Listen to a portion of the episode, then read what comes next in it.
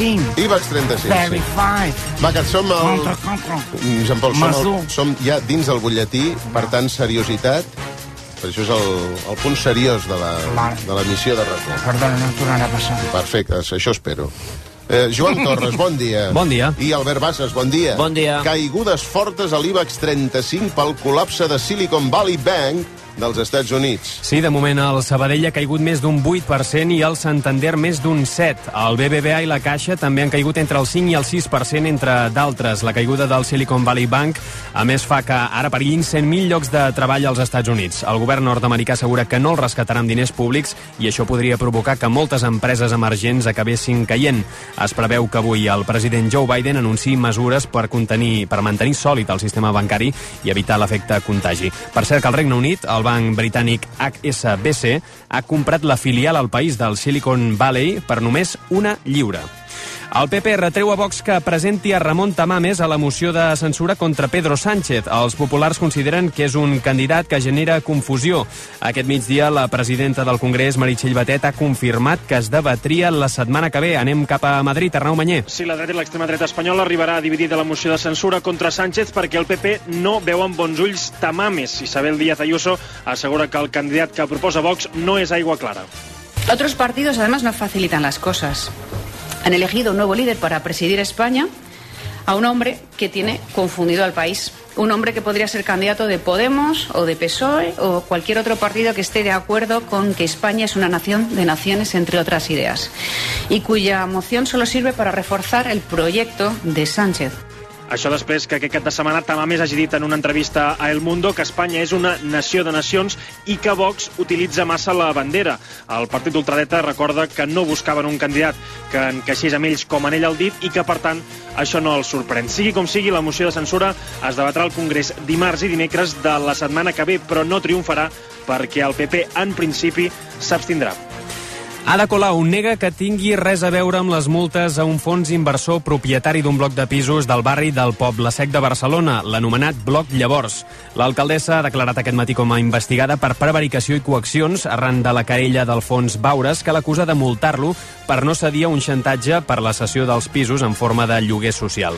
Colau ha explicat a la jutgessa que ella va delegar totes les funcions sobre aquesta qüestió als regidors i treballadors eh, municipals i que l'Ajuntament es va limitar a fer complir la llei. Una de les qüestions que ens qüestionava és mm, que els obliguéssim a fer complir la llei que obliga els grans tenidors a oferir lloguer social. Aquest fons voltor no ho complia, no complia la llei catalana i, per tant, evidentment, l'Ajuntament que ha de requerir a l'Alfons Voltor perquè compleixi amb la llei catalana, no? A l'alcaldessa l'han aclamat una quarantena de seguidors a les portes de la ciutat de la justícia. Colau ha declarat a un quart d'hora i no ha respost a les preguntes de l'acusació.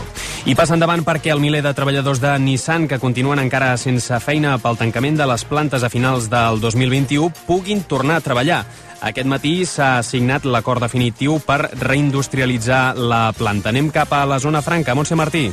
L'acord implica que un conjunt d'empreses, entre d'altres les catalanes Kef Technology i Ditec i el grup logístic australià Goodman, treballin conjuntament en un hub d'electromobilitat que preveu produir fins a 70.000 vehicles elèctrics quan funcioni el 100% d'aquí 3-4 anys.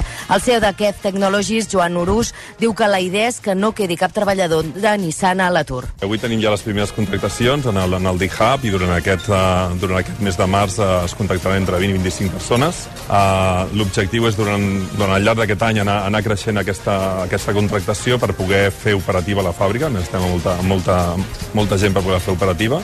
L'objectiu és començar a construir físicament vehicles a inicis de 2024. Tenim l'objectiu d'intentar maximitzar el número de treballadors eh, a contractar a principis de 2024.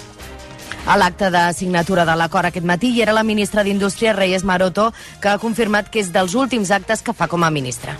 I Barcelona obrirà el primer cementiri municipal per animals de companyia abans del 2024. Al principi eh, s'ubicarà a Collserola, però s'estendrà a altres cementiris també de la ciutat, com el de Montjuïc. L'Ajuntament posarà en marxa un servei públic per incinerar i enterrar especialment gossos, gats i fures. L'objectiu és acompanyar des de la mort de l'animal fins a la incineració, que té un cost de 200 euros. Si la família ho desitja, es podrà quedar les cendres o bé dipositar-les al cementiri. Ho explica el regidor d'Emergència Climàtica i president de Cementiris de Barcelona, Eloi Badia. És un servei en el que jo vull tenir una urna, en el que jo no, després puc voler tenir un columbari, jo vull poder identificar no? que, que aquelles cendres són les del meu animal i no són altres cendres d'altres animals. Algú inclús podria demanar doncs, a la col·lectiva doncs, tenir un petit record, eh? però ja no podríem garantir doncs, aquesta traçabilitat. No?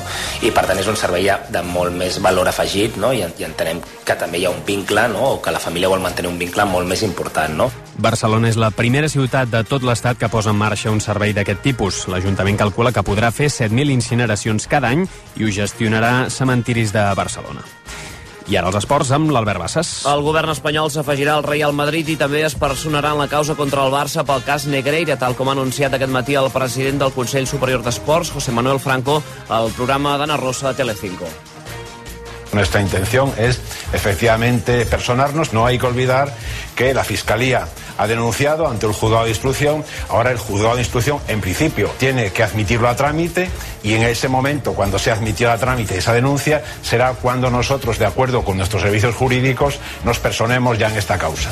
El CSD ja ho va deixar caure abans que la Fiscalia denunciés el cas al jutjat d'instrucció i ara ho ha confirmat. Això mentre el Confidencial publica que Hisenda sospita que Enríquez Negreira va pagar més de mig milió d'euros a terceres persones entre el 2016 i el 2019 que procedien dels més de 7 milions que va cobrar del Barça. Pel que llegim, l'agència tributària posa el focus en les contínues retirades d'efectiu que feia l'ex número 2 dels àrbitres alhora que demana investigar qui són aquestes persones on anaven a parar els diners i si estan implicades en aquesta trama. Al marge del Barça, avui està tanca la 25a jornada de Lliga Primera amb el partit pel Girona que rep l'Atlètic de Madrid a Montilivi a partir de les 9 i en directe a rac I encara en futbol, la BBC ha decidit readmetre l'exjugador britànic del Barça, Gary Lineker, després que la cadena pública del país l'apartés per comparar la política migratòria del Regne Unit amb l'Alemanya nazi. I a més, en l'àmbit poliesportiu, l'organització del Godó, el Barcelona Open Bank Ara, ara. acaba d'anunciar la presència del noruec Casper Ruud a la pròxima edició del torneig com a principal amenaça per Nadal i Alcaraz, l'actual subcampió de Roland Garros i del US Open,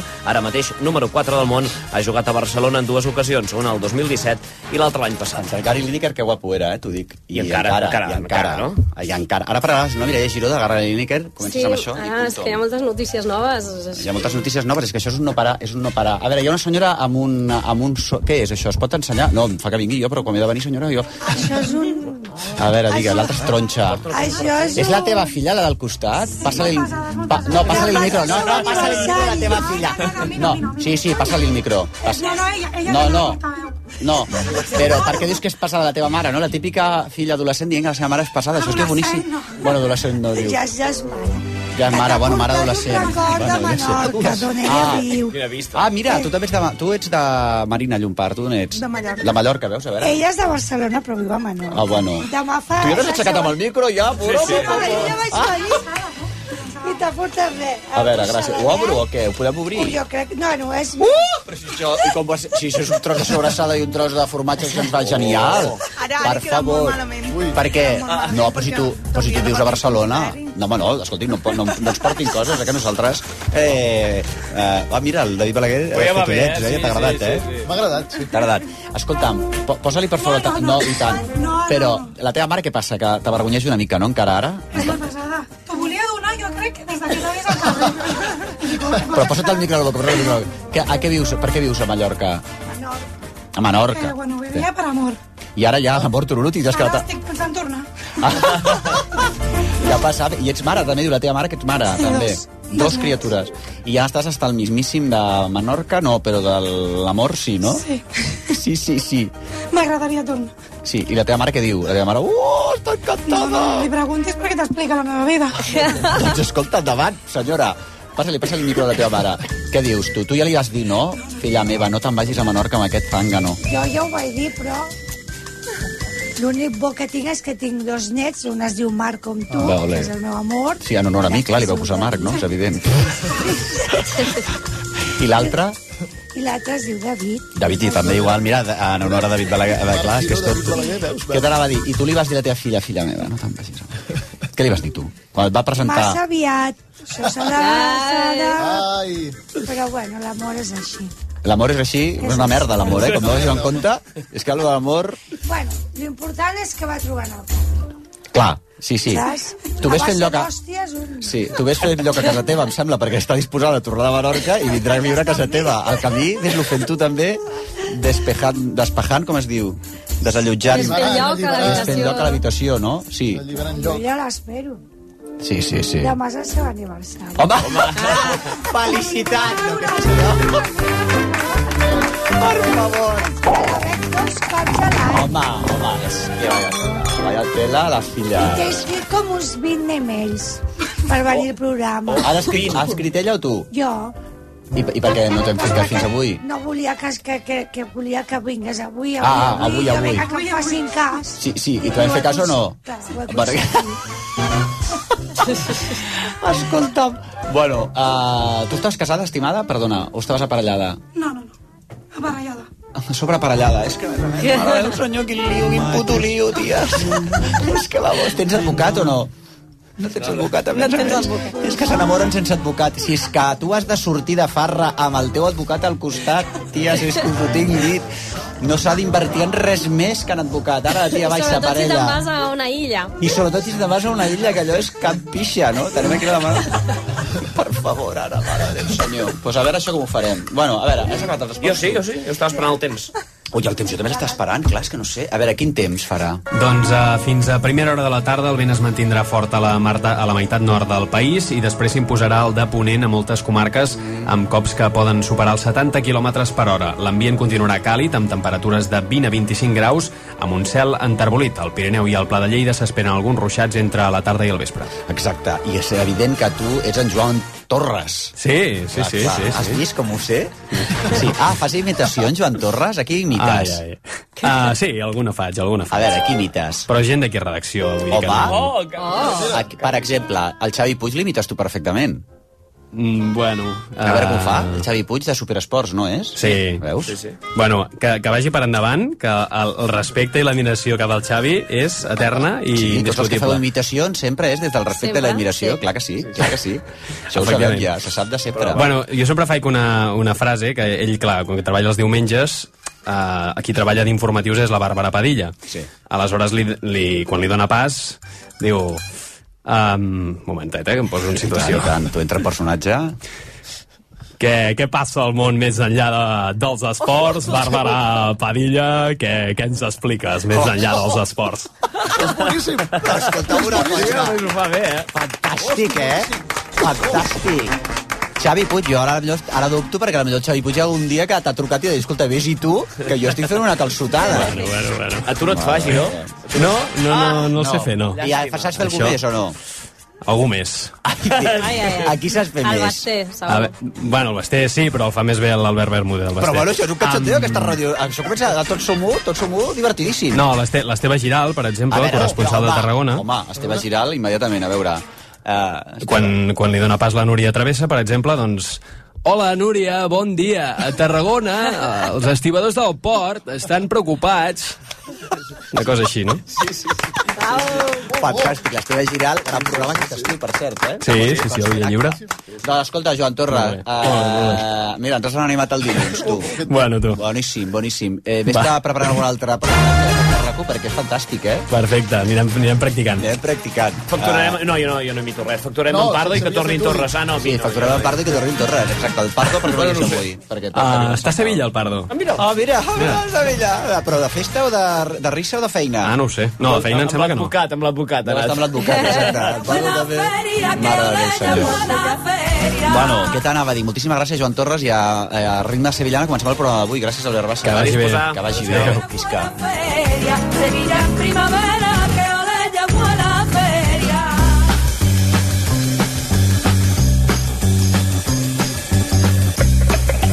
Vostè primer. A RAC1 amb Marc Giró. Sabeu que el Joan Torra ho ha fet això eh, en perfecte estat eh, de tots els seus òrgans vitals i les seves constants vitals a punt. Vull dir, no portava cap tipus de... No, de... O sigui, això ho fa de natural, eh? Imagina't. Sí, sí. No, no, molt bé, m'ha encantat, eh? Sí, sí, sí. La del Xavi Puig és boníssima. És boníssima. I la de l'altra també, Sí, sí, la de l'Esteve. la Mare de Déu. Bueno, avui aquest programa també el farà l'Ester Romagosa, el farà la, aquest senyor que es diu Ernest Ferrer, i avui tenim aquí l'estudi, tenim aquest pipollito que es diu... Home, sí que has de parlar. Eh, Joel Fortuny, què tal? Un aplaudiment a Joel Fortuny. Perquè l'Ester Romagosa està fònica. L'Ester la farem entrar... perquè sembla una telenyeca. Escolta, i tu estàs aquí, que m'has dit, eh, em posaré jo per fer-te els temps, Bueno, no? perquè si tens els temps, mencions, moltes coses. Moltes coses. Sí. I tu que tens toc, això pot ser increïble, no? Em, em pots fins i tot agredir físicament si em passo un mig segon, no? Bueno, més que res, et puc fer patades. Sí, Si m'encantarà. Si em fas patades no pararé, no pararé. No pararé mai. Bueno, doncs Joel Fortuny, moltíssimes gràcies per, uh, per estar aquí dins, fantàsticament. Uh, ens acompanyarà avui també, ens acompanya, vaja ja, la uh, Marina Llompart. Què tal estàs? Ella és editora de l'altre editorial i, a més a més, de encara més altra, com és allò que feu? L'altra tribu. Sí, I l'altra tribu. Tu et dediques normalment a l'altra tribu perquè és la, la línia, l'editorial De juvenil, de juvenil de exacte. l'altra editorial, però com que l'acompanya, que també s'ha dedicat a l'altra, tu pel mateix preu ara fas l'altra tribu, l'altra editorial i l'altra tot el que caiga, no? vinc aquí de fangirl. De fangirl, total, sí. perquè efectivament eh, ens veu enviar el despertar i altres contes, però sobretot el despertar de Kate Chopin, amb traducció de Xavier Pàmies, que llavors ja som tots, Que tenim tot. que és un dels meus llibres favorits, t'he de dir, de la història. I a més feia temps que no estava editat. Ah, S'havia editat en català o s'havia Sí. traduït en català? Sí. Però fa el, sí, fa la pera, eh? sí, sí, sí. Sí, I l'heu recuperat. Sí, a més, uh, m'he inclòs altres relats de l'autora per qui vulgui seguir llegint-la, més I- enllà del despertar. I tu ets una fan total del despertar d'aquest Fan Chopin. total. Fan total, fan, Fan total. total. Sí, sí, realment és un... Mira, el tu que la, la nostra companya de Menorca, Ho he pensat, ho he sí, pensat. és el típic llibre que si ara tu estàs en una relació eh, n'estàs farta de tu mateixa, del teu maromo, estàs en una relació tòxica, eh, no pots més, eh,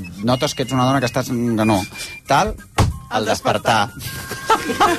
David Balaguer, què tal? Molt bé. Uh, com va el teu llibre? L'altre dia, la, la Sílvia Soler, Sí. bueno. Oh, quina meravella aquest llibre. Què dius, se l'ha llegit? Uh, se l'ha llegit i troba aquests... Va, o sigui, està Josep Pla, Mercè Rodoreda, Joanom Martorell, i després jo vaig dir, Sílvia, t'estàs passant? No, no. Que troba que escrius tan bé. Clar, nosaltres, com que tenim tan... És allò dels nens que diuen, no? A casa meva que sempre, eh, no? que sempre heu dit, que la gent diu, pues que guapo el, el Giro, Marc Giró, i vosaltres diu, tampoc ens sembla tant perquè en tenen molt vist, però clar, realment... Jo no dic res, eh? M'agrada molt que, que em diguis Uh, això. la Sílvia Soler, t'ho dic Perquè sincerament. Però és que és veritat, eh? És no, no, no, veritat. sí, però és que la Sílvia... Com me es la- titula el teu llibre? No- El digestiu de la veritat. Ah, sí. El digestiu de la veritat. A la Magrana. El digestiu de la veritat. A la Magrana. Em vaig trobar la Sílvia Soler pel carrer un dia. Sí. I li vaig dir, Sílvia, ens vam saludar, ens teva. coneixem, tal. I li vaig dir, Sílvia, he tret un llibre. I diu, ah, sí? Ah, doncs me'l compraré. I vaig pensar, això ho diu per dir. No, no, I no, ho ha fet se l'ha comprat, gràcies. se l'ha llegit, i allà on, allà on va, va dient que quina meravella d'escriptor i de tal. Però és que és veritat, és, que és extraordinari. Li enviaré un missatge. Sí, sí, envia-li. M'has envia-li. alegrat el dia perquè avui I a més a més, no venia gaire fi. El port... Ja, ja se t'ha de passat la- ja Ja t'ha passat la tonteria, veus? És que de veritat... Estava tan content i ja se li ha passat. No, eh, he, he fingit, he fet veure que estava bé quan no ho estava. Però No. ara, ara que ell ha dit això... I ara ja estàs ara bé. Sí que estic bé. I ara, com sabem, això també podria ser un dels teus contes. Ara havia fingit que estava bé, però ara ja no estic bé, però ara fingeixo, ara sí que estic bé, però com sabem nosaltres que no estàs fingint que estàs bé? No, ara estic bé. Li enviaré un missatge a la Sílvia Soler quan surti d'aquí. Lo dels mascles. O sigui, està el, el tema del patri... Hòstia, el patriarcat, la masculinitat, les hòsties, Putin, totes merda, i després hi ha com a... I després vens tu, ja. O sigui, després hi ha un altre fenomen que ets tu, com a mascle raro. Bueno, senyors i senyors, un altre mascle raro amb tots vostès. Mireia Sí, clar, esportiva, eh? Repassada esportiva, filla. Estic perquè- una mica presa de la veu. Bueno, fins que no arribis a ser tan telenyeca com l'Ester Romagosa encara et queda... Tens... tens... No, va, ho, ho he estat ja, ja ho he estat. Ara estic sortint d'això, però bueno, que si poso a tossir i tal, doncs continueu vosaltres. Ens encantarà. Doncs primer volia parlar del cas Lineker, eh, bueno, que ha sortit la notícia ara que l'han readmès, diguem, però parlem-ne, no? Eh, poso un context, és un exfutbolista anglès que fins ara, bueno, que presentava el mític programa mm, The Match of the Day, el partit del dia, a la BBC, feia des del 1999, i el van apartar el programa perquè en un tuit va dir que la política migratòria del primer ministre britànic Rishi Sunak era cruel i va comparar el seu llenguatge amb la retòrica de l'Alemanya nazi perquè la llei pretén prohibir eh, la demanda d'asil als immigrants que arribin creuant el canal sense autorització, és a dir, als immigrants pobres, no? Sí. Perquè si vens amb avió i tal, doncs no passa res. I si vens amb helicòpter, ja t'ho explico. Deportar-los Jet i privat. fer que no puguin entrar mai més al Regne Unit, no? Llavors, què va passar? Que es va organitzar una gran campanya a internet de suport a l'Inecker, gairebé 200.000 signatures, amb l'etiqueta eh, hashtag, bueno, l'etiqueta boicot BBC, que era com apagueu la BBC fins que aquest home no torni a, a, A retransmetre-ho a, al seu presentar el, programa. pa- el programa. I aquest cap de setmana el programa s'ha més sense comentaristes ni presentadors ni declaracions de jugadors o entrenadors perquè també donen suport al Lineker. Tots els seus companys i els de la Premier League han decidit doncs, no passar d'aquest programa i de la BBC, no? O sigui que els hi va quedar, els hi va quedar un programa molt conceptual que l'exposaran al MACBA d'aquí a poc, amb tot de vídeos, no? Vídeo, vídeo, vídeo... Perquè a més a més era com vídeos i se sentia el remor del... Clar, sense ningú dient res, sí. Fantàstic. Brutal. I llavors no sé si heu pensat eh, amb tot això, però s'assembla una miqueta, jo diria que és igualet el que va passar aquí amb Manel Vidal, però sense la campanya de suport, no? Eh, I està clar que el feixisme doncs, ha ressorgit perquè de tota la vida, si tu compares els polítics amb els nazis i et fan fora de la tele, vol dir que clarament són nazis, no? Vull dir, és que, és que clarament t'ho estan dient. I també jo he reflexionat i uh, crec que els que es dediquen a parlar de futbol, com jo, també, no? Sí, sí, és que tu ets I a m'incloc. Sí, sí, molt bé. Doncs cada dia doncs, són més perillosos pel poder perquè Pues sí, entre un jiji jaja i un comentari sobre la Kings League doncs et diem feixista a la teva cara que ni te n'adones Sí, sí. i a més doncs, se n'assabenta molta més gent que si dius una tertúlia seriosa, no? Eh, llavors, o sigui, que aneu en compte perquè això del pa i el circ se us revela i el suposat opi del poble doncs, potser pot servir per despertaments i rebentar les men mentides de l'ultradreta. Sobretot en aquest món tan individualista, que cada vegada som més individualistes, eh, doncs potser el futbol és l'últim reducte de col·lectivitat que hi ha, no? I Totalment. llavors si ens posem d'acord, doncs aquí el programa uh, The Match of the Day, per primer cop en 60 i pico d'anys, eh, no hi ha ning ningú que parli. Ningú no? que parli, ningú I que llavors parli. aquí està, el tio ha tornat. I total, que l'han re- l'han readmès. Bueno, eh, dèiem d'Ibai Llanos, que efectivament també és un senyor que va fent entre el jiji-jaja de la Kings League i el jiji-jaja del videojoc, no sé exactament què fa, perquè jo no, no dit mai, però tinc molt de respecte, però em dieu que és un senyor que el discurs que té, això ho diu l'Ester Romagosa, avui no ho pot dir perquè està a Telenyeca, però, el, però que ella està tranquil·la perquè, el, si més no, els seus fills veuen l'Ibai Llanos i els continguts que fa són continguts bueno, del que diríem, això que en diuen l'àmbit progressista, o com es digui ara. Saps? Sí, o respecte pels drets humans, no? Que és una cosa és que que ara resulta que ara si és que no- progressista també hi ha gent que critica... No, progressista... No, però ara, ara ja, pues, pues, això, respecte pels drets humans. Això, dels drets humans, Sí. allò, allò. Uh, després una altra notícia, doncs això de la, que la, altra fis- notícia. la Fiscalia, Uh, que això. aquesta setmana ha presentat la denúncia contra el Barça. Sandro Rossell, Josep Maria Bartomeu i altres dirigents del Barça pel cas Negreira. Eh, tots els clubs de la Lliga, menys el Real Madrid, han firmat un comunicat per demanar explicacions. Per què el Madrid no el va signar? Doncs perquè el Real Madrid ha anunciat aquest cap de setmana que es personarà contra el Barça en aquest cas. Mare de Déu, però quin embolic, no? I a més és que és surrealista que surti Florentino Pérez com si fos don, el Don Quixot anticorrupció, que a més ha sortit a Carrusel Deportivo i ha sortit un exàrbitre, Iturralde González, dient que Florentino Pérez el va voler tancar en una habitació per pressionar-lo. Mare de Déu. O sigui Ell que aquí mateix. està començant a sortir una de merda que el Madrid ja es pot anar personant, perquè aquí s'acabarà personant ell mateix contra ell mateix. Si, te- si el Madrid, en la causa de Madrid contra el Madrid, eh, sí, yo voy contra sí, Florentino Pérez contra Florentino Pérez. Sí, sí, vull dir... que, mm. Llavors, bé, el Por clàssic fin. aquest del proper dia 19 promet Sí. molt. També el govern espanyol s'ha personat en contra del Barça. En sèrio? Però això és veritat? M'ho estàs dient de veritat? Però bueno, jo, és que clar, com que em llevo tan tard no m'entero de res i arribo aquí, és que m'agafa les notícies que jo m'hi farà alguna cosa. Sí, sí, sí, sí. Això del Negreira algú m'ho pot explicar? Perquè a mi m'encanta aquest cas perquè Negreira a mi em sona a còctel. Me pone un Negreira i resulta que és un pollastre monumental, no? Això de què va? Que Sí, és un ja àrbitre... Pagaven a l'àrbitre. Això no el vaig resultar aquell dia. devia Sí, que hi ha uns pagaments eh, doncs, a, a aquest eh, ex, excol·legiat, però que estava dins de la federació aquesta que tenen els àrbitres, que ens se suposava que pressionava per, perquè canviessin l'arbitratge. Mare de Déu, per afavorir però... el Barça, però... No hi ha un no pam de net, eh? La judicatura, els arbitratges, la... De moment, Oh. Joan Laporta, eh, en un tuit, ha dit que ara ja hi som tots, referint-se que el Madrid doncs, ja Sí. ja s'ha personat, que el Barça és innocent mm. I que molts hauran de rectificar. I diu que estiguem tranquils. Ara. I jo he vingut aquí a recordar altres moments en els quals ens han dit que havíem d'estar tranquils. Per exemple, a l'inici de la pandèmia ens Sí, van dir que veritat. no entréssim en pànic, que allò no seria res. Sí, sí, veritat, veritat. També ho Barça... vam, sí, ens ho vam creure. A més, Sí. vam estar molt tranquils, eh? La, Quina innocència la nostra. Sí, sí, però... Molt tranquils. Sí, sí. Que a més érem Molt uns, bo, eh? eh, no sé, érem... O exagerats, estàvem histèriques, Exagerats. estàvem histèriques. Sí, Vamos, sí, que de el, que, que que sempre ens han dit a nosaltres, a les dones. Ara fa anys d'allò. Sí, avui. I estàvem allà, eh, O sigui, estàvem aquí. Estàvem aquí. De cachondeo. I tu vas preguntar, vosaltres us preocupa això? No, no. No, no, no, no, no. Pam. Pam. És que ho recordo com si fos ara. Sí. Després, el Banc Central Europeu també ens va dir que no patíssim amb la inflació, que estiguéssim tranquils, que era conjuntural. Conjuntural, exacte. I els mi cojones 33. Com, bueno, Després- conjuntural com si les coses no, no fossin conjunturals. És a dir, com si les coses fossin d'una altra manera que no conjunturals. Jo també no sé per què traguem sempre molt conjuntural. No, escolti, no es preocupin que això és conjuntural. Aquí és on t'has de preocupar? I nosaltres ens diuen, no, no, això és conjuntural. Ah, va, si és conjuntural, doncs bueno, ja me'n vaig a fer un vermut. És que de veritat, som gilipolles, eh? Sí, sí, sí. El Un altre 2013 moment. també ens van dir que podíem estar ben tranquils perquè Bankia i els altres bancs Ah, i sí, caixes sí. retornarien les ajudes milionàries que havien pagat Sí. amb els nostres impostos. I a més és que ho van dir així, eh? Poden estar tranquils, perquè Bankia és suficientment solvent. Sí, sí, Encara ho estem esperant. Sí. I també, bueno, això és personal, però jo crec que es pot extendre a tothom. El meu últim ex em va dir que podia estar tranquil·la amb ell. No va passar. I escolta'm una cosa, lo personal és polític, Exacte. molt ben encaixat. A veure, ahir Doncs eh, jo no vull dir res, però podem estar tranquils, eh? Podem estar tranquils i el Barça podem estar tranquils.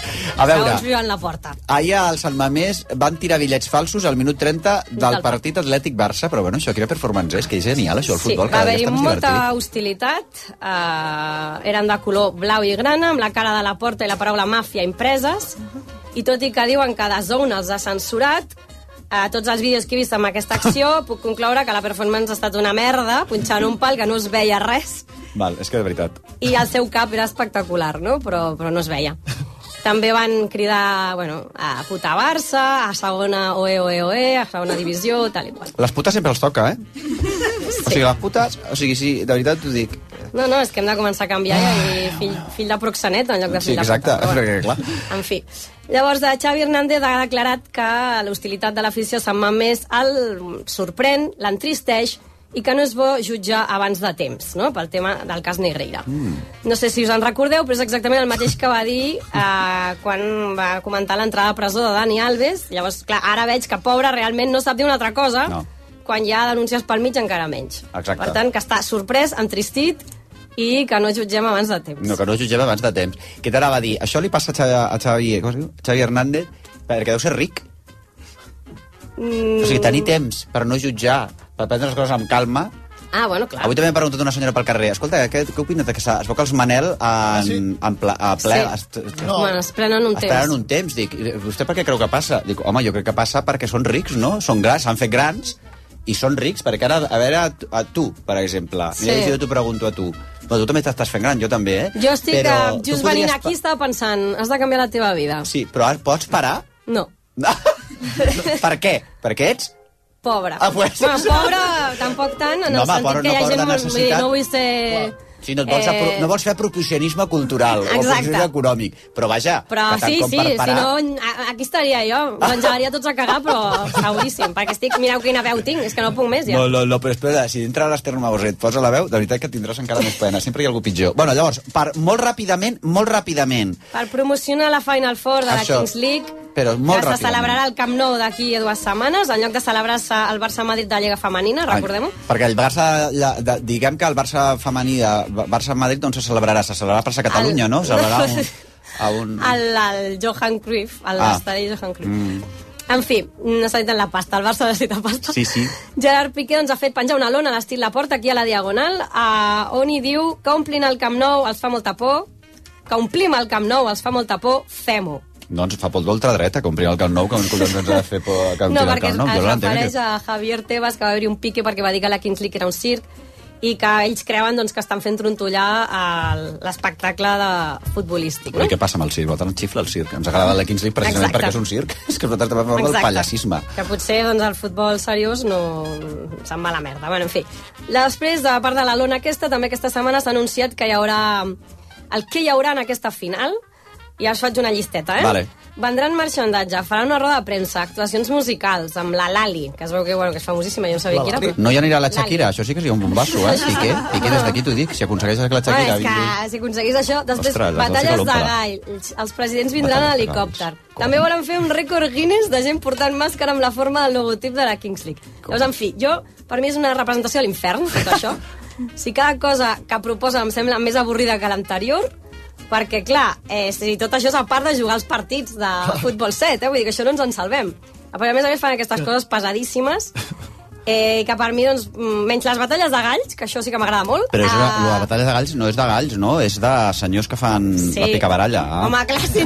T'imagines batalles de galls al Camp Nou? No, T'has de comprar uns prismàtics. A banda deu ser una cosa animalísticament parlant fatal, no? Bueno, però lligaria una mica, perquè és un batiborrillo aquí, no? Fa, hi ha food trucks? Hi haurà food trucks? Segur, Aquí sí jo què sé, eh? Si hi ha hi ha food trucks... ja- I ara, no. jo només de veure això és com la naranja mecànica, allò que t'obren, aquella escena que li obren els ulls amb uns ferros perquè miri sí. coses A mi m'encanta- doncs, a mi seria, m'en- serà el mateix, aquesta, aquesta Final Four. A mi m'encanta que allò de la Kings League faci por al Javier Tebas per, i Javier Tegas digui que això és un circ, com si el circ com si no fos una cosa serioríssima, però que ell, Javier Tega, es pensi que el futbol, o sigui, estem en el punt de que el futbol és una cosa seriosa, o sigui, gràcies a la Kings League, o sigui, és una cosa que és increïble. Què passa, nen? No, jo vaig marcant els temps. Em vas marcar el temps. Et dic una cosa... A veure, Joel, és que acabes de començar, acabes de començar amb això. Eh, um, Que l'estava tocant amb el dit, eh? Ui, m'estaves tocant amb el dit. Eh, vas anar a Xocotxurro aquest cap de setmana? No, no el feien. No el feien. Ah, no el feia, que si no hi haguessis, hi haguessis anat, no? M'ho hauria plantejat. Tu saps el que és eh, les festes de potros i llegües? No sé si vull saber-ho. Mira't el Late Show, l'Oriol Mitjà ho va explicar ahir, infectòleg. Tu mira't l'entrevista al Late Show, que és el programa que jo... Mira-t'ho per internet. Miro sempre. Que era el programa que... Mira't a l'entrevista d'Oriol Mitjà i digue'm a veure el potros i llegües, a veure, a veure què tal. Vale, vale. Que és, ja sabia el que et faltaria per acabar d'adobar. Vale, vale, fa. Senyores i senyors, amb tots vostès, moltíssimes gràcies, Mireia Giró. David Balaguer. És fort perquè el tema d'avui sembla fet expressament, eh? Veus? A ara veureu per què. A veure. És que ha passat una cosa a l'inici d'aquest programa que m'ho ha fet pensar. Mira. Ara ho veureu. Perquè jo no sé què dec tenir que la gent a mi se m'adreça per fer-me consultes. Que la gent és idiota, això ja t'ho emocional. Sí, La gent s'ha d'adreçar a tu perquè la gent és idiota. És idiota la gent, perquè sempre els acabo conduint pel camí erroni, però ells insisteixen. Clar. Vinga a fer-me consultes. Només Llavors, faltaria, només sí, escoltant aquesta secció de ràdio, ja veus que tu no se. Però Exacte, bueno, sí, sempre, no passa res. Ja et dic, sempre, sempre el camí equivocat, però segueixen fent-me consultes, mira, està bé. I l'altre dia una amiga meva em va demanar el parer sobre un tema que em va semblar interessant i que he decidit compartir avui amb tots vosaltres, a veure què, què n'opineu, què us sembla. I. I ara posarem l'àudio que la Lídia, que és com una actriu catalana dels 90, Mm. existeix encara aquest perfil avui, l'any 2023, sí. eh, em va Però és enviar... que els actors mm, No, però és catalans que- del 90 encara estan Sí, fent n'hi ha tota vius, eh? estan al teatre. Encara n'hi ha vius, eh? No n'ha arrasat amb tots, encara No, n'hi ha vius, cert, eh? és cert. L'Aime Vilarasau jo crec que treballava als 90, eh? Fins i tot, et diré. Que sí. Sí, és sí, i el David sí, Selves, sí. que guapo. també. Madaula. Sí, els Madaula. 90, David Selves... Home, David sí, Selves, sí. perdó, als 90... Mm, Home, i tant, que saga de poder. Saga de poder, David que estava... Sí. Bueno, a veure, barba que llueix. Doncs la, la, la Lídia em va enviar aquest àudio. Per què el dia de l'aniversari apareixen tots els ex en format missatge, per no donar la cara, els que no et parlen, i et feliciten. No cal. Si jo no sé res d'una persona durant un any, potser el dia de la, del meu aniversari tampoc vull saber res d'aquesta persona. un altre que necessita advocat. Amics. Advocat i el telèfon dels Mossos. Clar, després, després, després, després ella... Lali, lali. Després ella fa, diferencia el, el que són els diferents tipus d'ex que existeixen. Sí. No? Perquè ella diu això, també. Veure, dels que són amics, sí. Els ex que són amics, Clar, ja que hi, són hi parles sí. tot l'any. Però els que han desaparegut o han mort, deixa'm en pau, no? Home, si han mort, imagina que tu has mort. No, és, és molt fort que avui justament aparegui aquest tema aquí quan tenim una noia entre el públic de Menorca que ha explicat que demà és el seu aniversari Sí. i que s'acaba de separar fa poc. Ja. Hi haurà missatge del seu ex? Hi haurà missatge Que no. del seu ex? Ah, no ho sabem, això. És que no sabem el seu ex on està. No? Ara no, que no tinguem aquí un, Un què? un misteri amb l'ex d'aquesta senyora de públic. A la, millor no la, a la millor, només et diré una cosa. Potser no la pot trucar, l'ex. Carai, m'estàs espantant. Bé, eh, jo crec que en podem parlar d'això, dels missatges dels ex Sí. el dia de l'aniversari, però jo crec que això té una explicació molt lògica, i és que vol dir que aquesta persona, L'ex. sí, diversos cops l'any, pensa en tu, però no gosa escriure't, i ho fa el dia de l'aniversari. És a dir, instrumentalitza el dia de l'aniversari per fer-ho.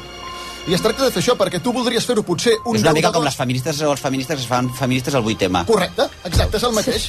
Instrumentalitzar una data, com a pretext, com a pretext, correcte, perquè tu potser ho voldries fer el 10 d'agost, però no tens nassos perquè no tens coartada. Ja. I en canvi, el dia de l'aniversari tens una gran coartada. Mm. Llavors, missatge directe pels ex que us dediqueu a importunar en dates assenyalades.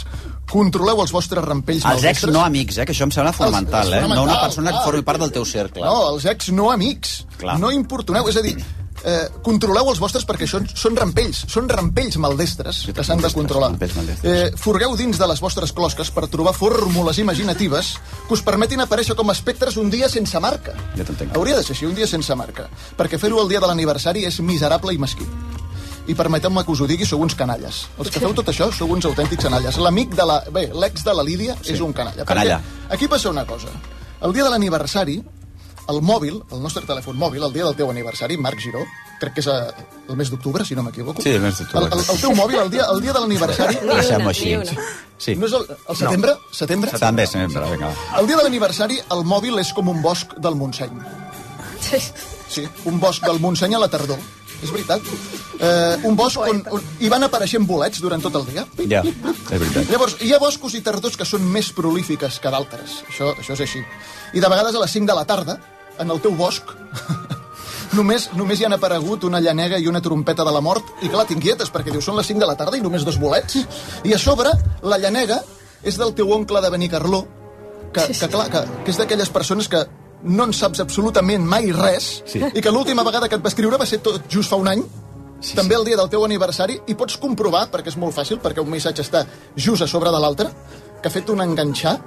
Saps? pagat. Sí, allò, allò, tallar, copiar, enganxar, t'ha fotut exactament el mateix missatge. Llavors, el dia, el dia de l'aniversari és cert que nosaltres volem un bosc inundat de bolets que vagin apareixent tots, rovellons, fredolics, camagrocs, una, una, una riquesa de, de bolets per omplir la saca, sentir-nos estimats amb la nostra recolecta, però sí que és cert que els missatges dels ex són com bolets al·lucinògens bolets al·lucinògens que apareixen per allà, o pitjor encara, m'agrada molt aquesta música, eh? M'agrada molt aquesta música, Ernest. Pues a mi em torra... Sí? A mi m'agrada molt. Eh, Em torra aquesta i em torra la que hi havia abans, que era com de casa de barrets de, de, dels anys 70 de merda. Doncs és, Però bueno, és si us agrada a vosaltres, mira... Pitjor, és pitjor encara, perquè són com bolets... eh, bolets Això m'agrada de- més, a mi. Ah, sí. És de Perquè, bosc, més, aquesta. És de bosc, És de bosc i és de com de tara. Oh, Red, vámonos a caballo hasta la finca de Mermaid. Vamos a buscar las setas que aparecen el día de Claro nuestro que cumpleaños, sí, y nos Mark. metemos una seta alucinógena red y luego me voy a hacer un vestido con las cortinas de vellut y voy a ir a ver a tía Mimi a Atlanta para pedirle un crédito que no le no. pienso devolver. És tia Mildred, sempre és tia Mildred. Ah, tía Mildred. Tía Mildred. sí. Y, eh, Querida, ¿qué tal estás? Vamos a buscar setas y aparece la seta de nuestro querido ex. Y son con bolets alucinògens, però també con bolets verinosos. A nosotras nos da igual, porque aquí en el Far West nos llega un ex que nos caía mal y le pegamos un tiro en la cabeza porque vamos armadas. Nosotras somos salvajes. Oh, red. eh? Et queda bé, oh, red. Et Clar, queda perquè jo soc de Louisiana. Ara parlarem de Louisiana, per cert. Sí, ara parlarem Bueno, de per rematar. Sí, per rematar això, no? Que, que t'apareix allà... Tu saps què és la, una manita muscària? No sé, però jo m'he posat catxondo. Què? Jo també. Una, una manita muscària és un bolet verinós que, que realment, mira, mira quins efectes té, eh? Pot provocar vòmits, agitació psicomotriu, símptomes que recorden a una borratxera ah. fatal, o sigui, una borratxera de les fortes, no d'aquelles boniques del vermut, no, no, sinó una de les fortes, i de vegades depressió neurològica. És exactament el mateix que et pot passar si reps un missatge del teu o de la teva ex el dia del teu aniversari. És exactament el mateix que pot passar. Perquè he de dir, he de dir, i amb això concloc, Sí. que hi ha, eh, com ho diríem, sistemes emocionals, són sistemes emocionals, fràgils, fràgils, tan fràgils, com la caseta de palla del porquet gandul, dels tres porquets. M'agrada bé Saps quanta metàfora porquets? avui, eh? El bosc, metàfora. el bosc de la Garrotxa amb bolet, la caseta del, No, del- del porquet... Ai, del Montseny. I clar, i, i, que, i que es poden esfondrar amb una bufada d'una manera bestial. És el que passa quan reps missatges del La teu ex. Vull saber si demà aquella noia d'allà de Menorca... Aquella noia no li preguntis pel seu ex, perquè el seu ex a mi no pot contestar. Però és possible que demà rebis un missatge del teu ex felicitant-te l'aniversari, no creus? No crec. I si, apare... I si apareix No com un bolet verinós? Sí, si apareix, si apareix ja trucarem als Mossos d'Esquadra. verinós. És que tu no t'has enterat de com va... No, no t'has enterat d'una cosa. Segons quin ex, amiga, si et truca algun ex així de sobte, tipus bolet... Bolet verinós? S'ha de trucar als Amanita Mossos d'Esquadra. Sí, un tio que desapareix, que t'ha fet, t'ha trinxat a tots nivells, que de Que trucar li de has sobte... dit que no et truqui, Que li has dit que no truqui. que no vols saber-ne res. Exacte. I bam. i pam, et truca, però no te trucarem als Mossos d'Esquadra, o trucarem a Scarlett O'Hara amb el puto fusell i ja veuràs on anirà per aquest home. Que no es tornin a saltar els teus límits, home. Que no es tornin a saltar els teus No, límits. passar-se per Digue-li a sobre. la Lili. Ex-amics, La Lili guai. es diu. Ah, Lili es deia. No, Lili no, Lídia. Escolta, que és genial perquè a la final de la King League a la millor tocarà Shakira, eh? Que això és una cosa que s'està Home, això s'ho podrien treballar. Home, això s'ho podien treballar una mica, això seria genial. Escolta, amb tots vostès una mica de publicitat. Bravo, David Martí!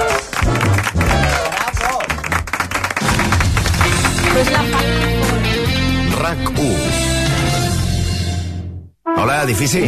Vaja, sembla que necessites una rehabilitació urgent. Doncs ara és un moment únic per fer-ho. Gràcies als fons del programa Next Generation i a l'oficina de rehabilitació de l'Ajuntament de Barcelona. Guanya en confort i estalvia't energia i diners. Informa't a rehabilitaesestalviar.barcelona.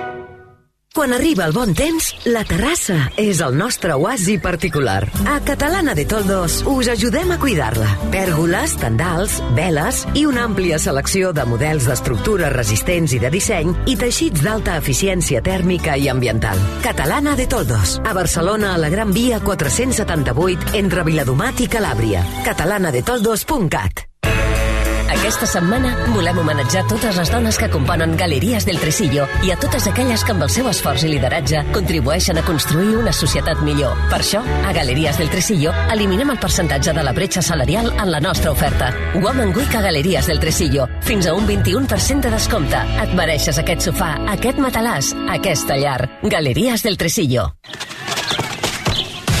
Pilota. Finestra. Com nova. És molt senzill assegurar-se amb el Betia.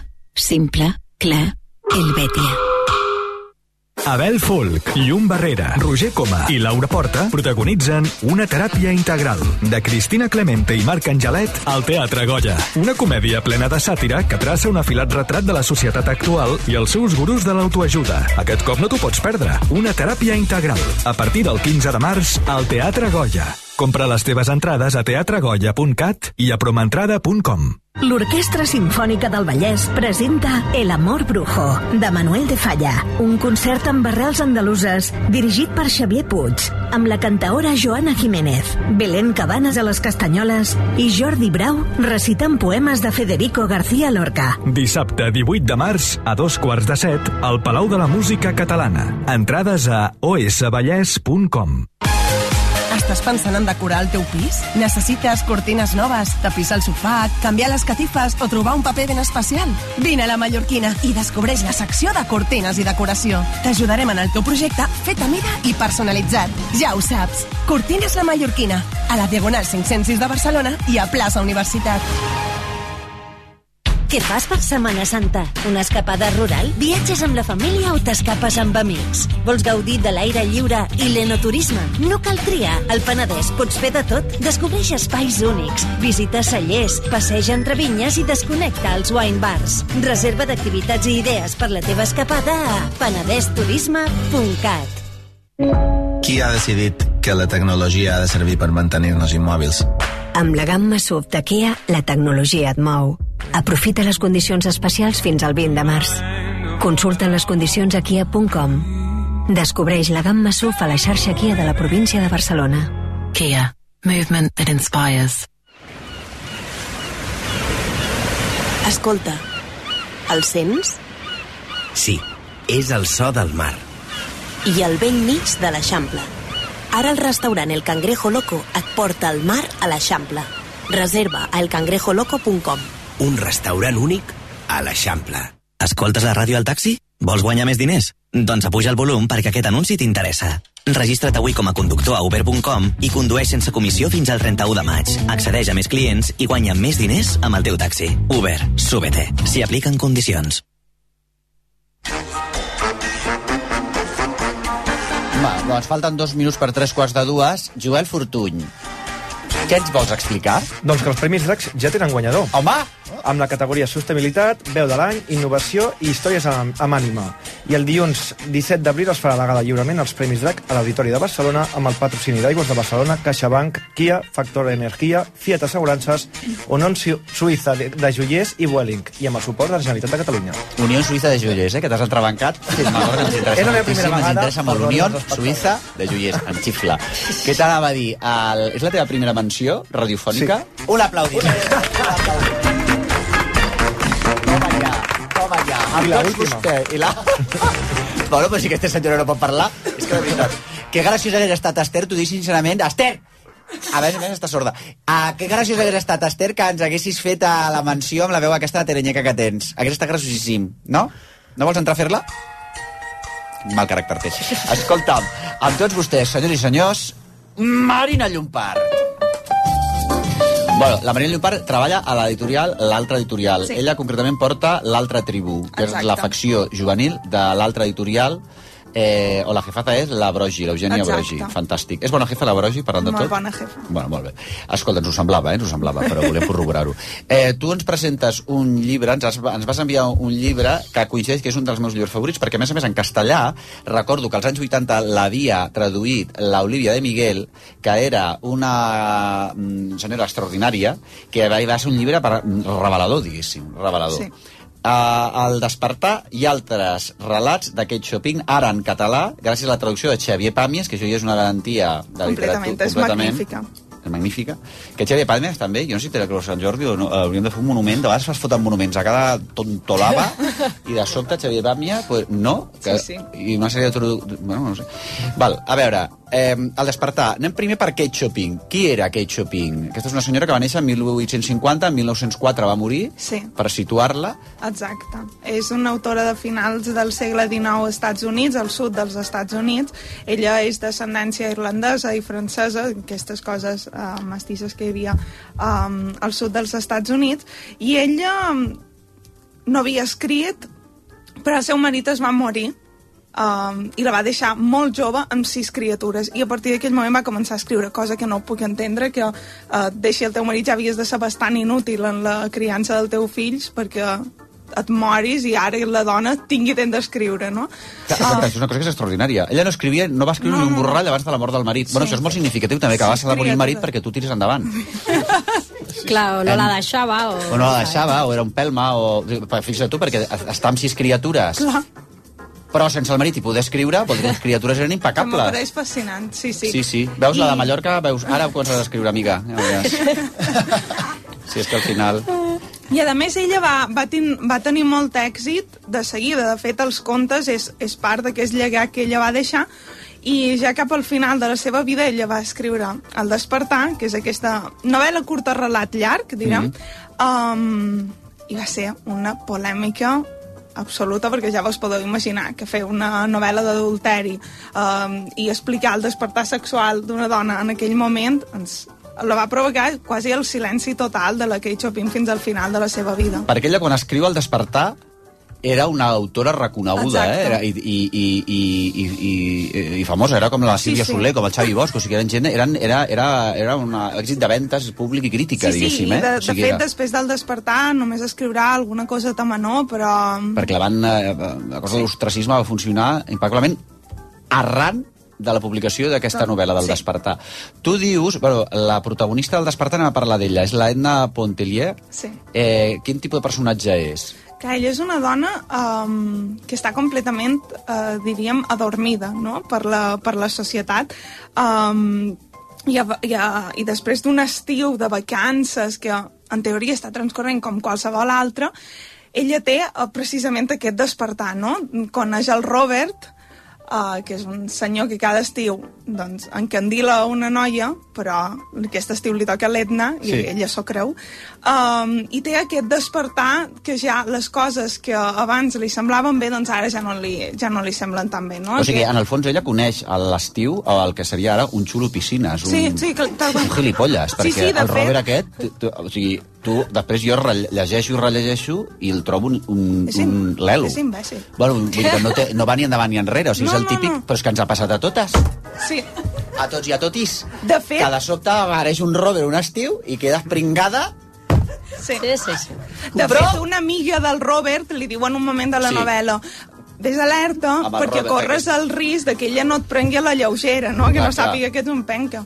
Però en realitat, la part bona que té la novel·la, crec jo, és que al segle XIX es posa mm, molt de moda un tema que és la novel·la d'adulteri, no? perquè en una època en què la burgesia és la classe social dominant, eh, en realitat l'adulteri va a dilapidar eh, l'estructura familiar que és la base del sistema burgès, no? I surt Madame Bovary, tenim Anna Karenina, o sigui, totes les literatures tenen la seva novel·la d'adulteri, aquí tenim la regenta, no? Totes les... Bueno, Edith Barton, no, també? És un... Eh? Edith Barton també, de sobte... Clar, menys. però eh, diria que és una miqueta posterior. Val, perdona, perdona. Um, Era per treure Edith Barton jo amb calçador. volies dir Edith Volia dir Barton Edith i- Barton aquesta, fam- aquesta setmana i dic a veure si li colo amb ella. Bueno, ja està, ja ho he fet. um, però clar, què passa? Que aquesta és l'única novel·la d'adulteri del 19 escrita per una dona. Que és les que saben, de I veritat, això no li van perdonar. No, Clar. bueno, clar. I què passa aquí? Que en les novel·les d'adulteri el fet més important és l'adulteri en si, que després sempre se castiga, no? I aquí l'adulteri és, és la part menys important, no? t'anava a dir. És la part menys Clar, important. Perquè el despertar, tu dius que és el despertar sexual, que escolta, és genial, el despertar sexual, jo us ho recomano moltíssim, jo cada dia intento despertar-me una mica sexualment, no?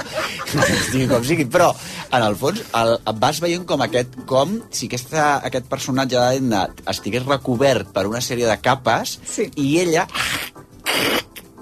s'anés desembolicant Completament. fins a aparèixer, perquè no només eh, descobreix la seva der dermis, la seva pell, per la qüestió de la qüestió sexual, sinó també eh, es posa, eh, intel·lectualment es posa a pintar, es posa en marxa, Sí. eh, Comença i a viure sola. comença a viure sola, eh, comença a pensar políticament, diguéssim, sí. és una cosa extraordinària. Hi ha una relació amb els fills i la maternitat que també devia ser escandalosa i encara suposo Sí. que ho és, no? Sí, Una... ella, se- ella la consideren una mala mare, perquè no és Mhm. una dona maternal, no és una dona que estigui tot el dia pendent dels fills. De fet, hi ha la... Mira, m'he apuntat la del Ratinyol, que és aquella altra dona que passa l'estiu allà, que és Sí. tot perfecció, no Tot- se preocupa sí, sí. Per, per la seva roba, pels seus fills.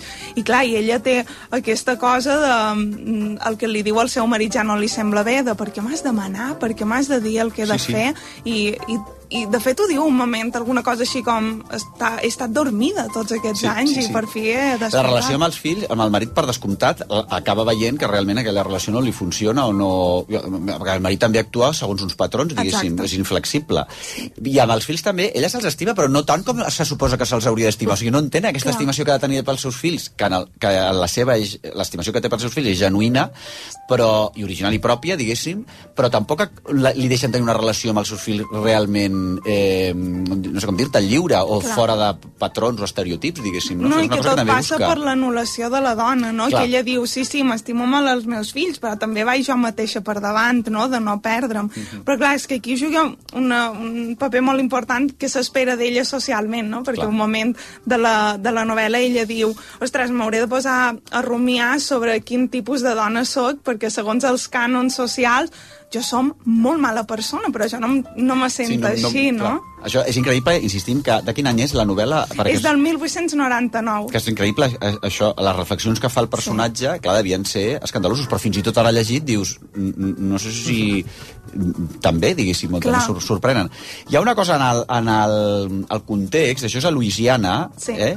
Eh, ell està a Nova Orleans, i és clar, és una societat on hi ha criolls que junts, m'agradaria que m'expliquessis també aquesta mescla de cultures, d'accents, de dialectes eh, que hi ha, que això també deu propiciar un cert eh, paisatge, no? Sí, de fet, en els contes és on més es veu Clar. això. De fet, um, tota la part que no la van considerar perillosa no era quan ella um, la tenien per un autor que sabia retratar per, perfectament aquest ambient de la, de la Louisiana rural, no? perquè a més fa un tipus de literatura que després faran Flannery O'Connor, no? Um, és, una, és un tipus de literatura molt particular on hi juga un paper molt gran doncs, tota aquesta mística dels fantasmes, de les Mhm. il·lusions, d'allò que, que queda soterrat, no? I en els, en els contes és on es veu més, però sí que aquí apareix, no?, la, com la cultura criolla, que de fet el Robert és, és crioll i li diuen això, no? A la nostra cultura això de tontejar i això de viure al marge de la moralitat està molt ben vist, però ella no és dels nostres, per tant, probablement Compte, perquè... eh, la liaràs parda, que és el que acaba passant. que és el que, que és el que ha passat i no, i no, i no desvetllem. Doncs, eh, bueno, moltíssimes gràcies al Despertar. Ha altres relats. A l'altre editorial, l'autora Kate Chopin, Chopin, deu ser, Chopin, com ho dieu? Jo li dit Chopin, però Chopin. probablement està malament. Pues mira, filla, si tu li dius Chopin, és Chopin.